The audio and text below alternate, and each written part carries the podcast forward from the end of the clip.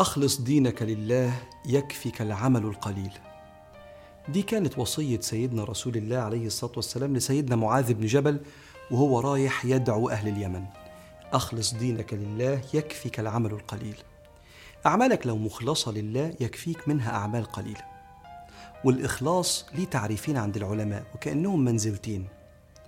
الإخلاص هو قصد الله في العمل. عايز ربنا يرضى عني بالعمل ده. وفي منزلة تانية هي قصد الأجر والجنة من وراء العمل مش المنافع الدنيوية. وكأن التعريفين دول مرحلتين بيتقلب فيهم الإنسان لكن في الآخر نيته الله أو ما عند الله.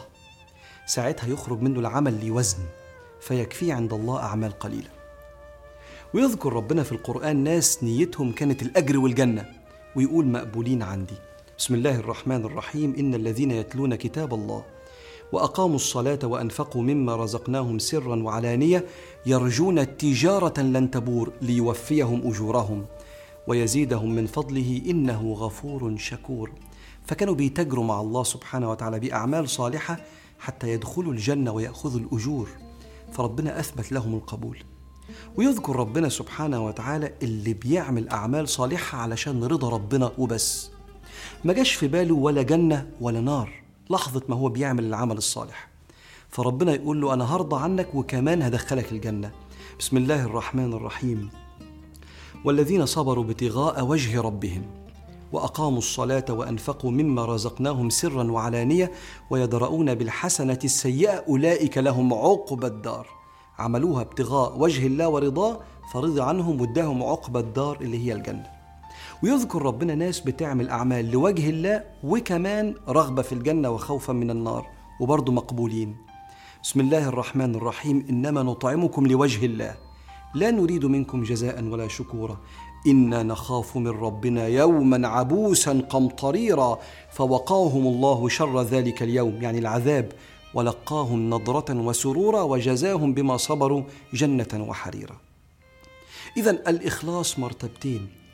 طلب رضا الله من العمل أو طلب رضا الله وما عند الله من أجر وجنة. طب وهو الإنسان أصلا ليه غير ربنا؟ قال لك آه إحنا ساعات بنصلي أو ننفق أو نقول كلمة حق عشان الناس تشوفنا يرانا الناس عشان كده اسمه الرياء. فنكبر في عيونهم أو نحصل على خدماتهم أو نهرب من عتابهم.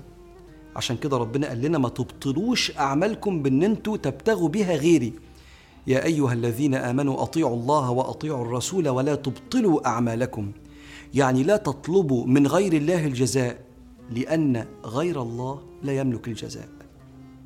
وكل ما الإنسان عرف ربنا بعظمته وملكه وسلطانه يعرف إنه ضعيف. هو وإخوانه من بني البشر فيحترم الناس ويعظمهم لأن ربنا أمرنا بكده. لكن في نفس الوقت هو يعلم إن لا هو يملك لنفسه الجزاء ولا حد يملك له الجزاء. فلا يقصد بعمله إلا صاحب العطاء وهو ربنا سبحانه وتعالى.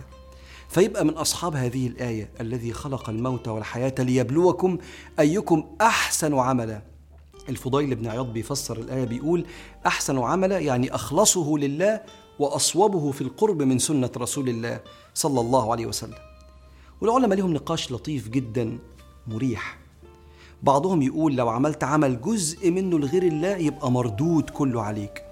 ويستشهدوا بحديث من عمل عملا أشرك فيه معي غيري تركته وشركه يجي بعضهم يقول لا ربنا سبحانه وتعالى هيكافئ العبد حتى على جزء من العمل لو كان لله لأن ربنا قال فمن يعمل مثقال ذرة خيرا يره فحتى لو جزء من العمل كان لله وجزء من العمل مش لله ربنا هيقبل الجزء اللي ليه ومش هيرده عليه.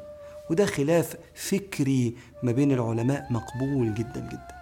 فلو حسيت إنك أنت بتعمل الأعمال لله أشكر ربنا أن من عليك بالإخلاص. ولو حسيت إن في كده نية مش مظبوطة أكثر من الدعوة النبوية اللهم إني أعوذ بك أن أشرك بك شيئا أعلمه وأستغفرك لما لا أعلمه.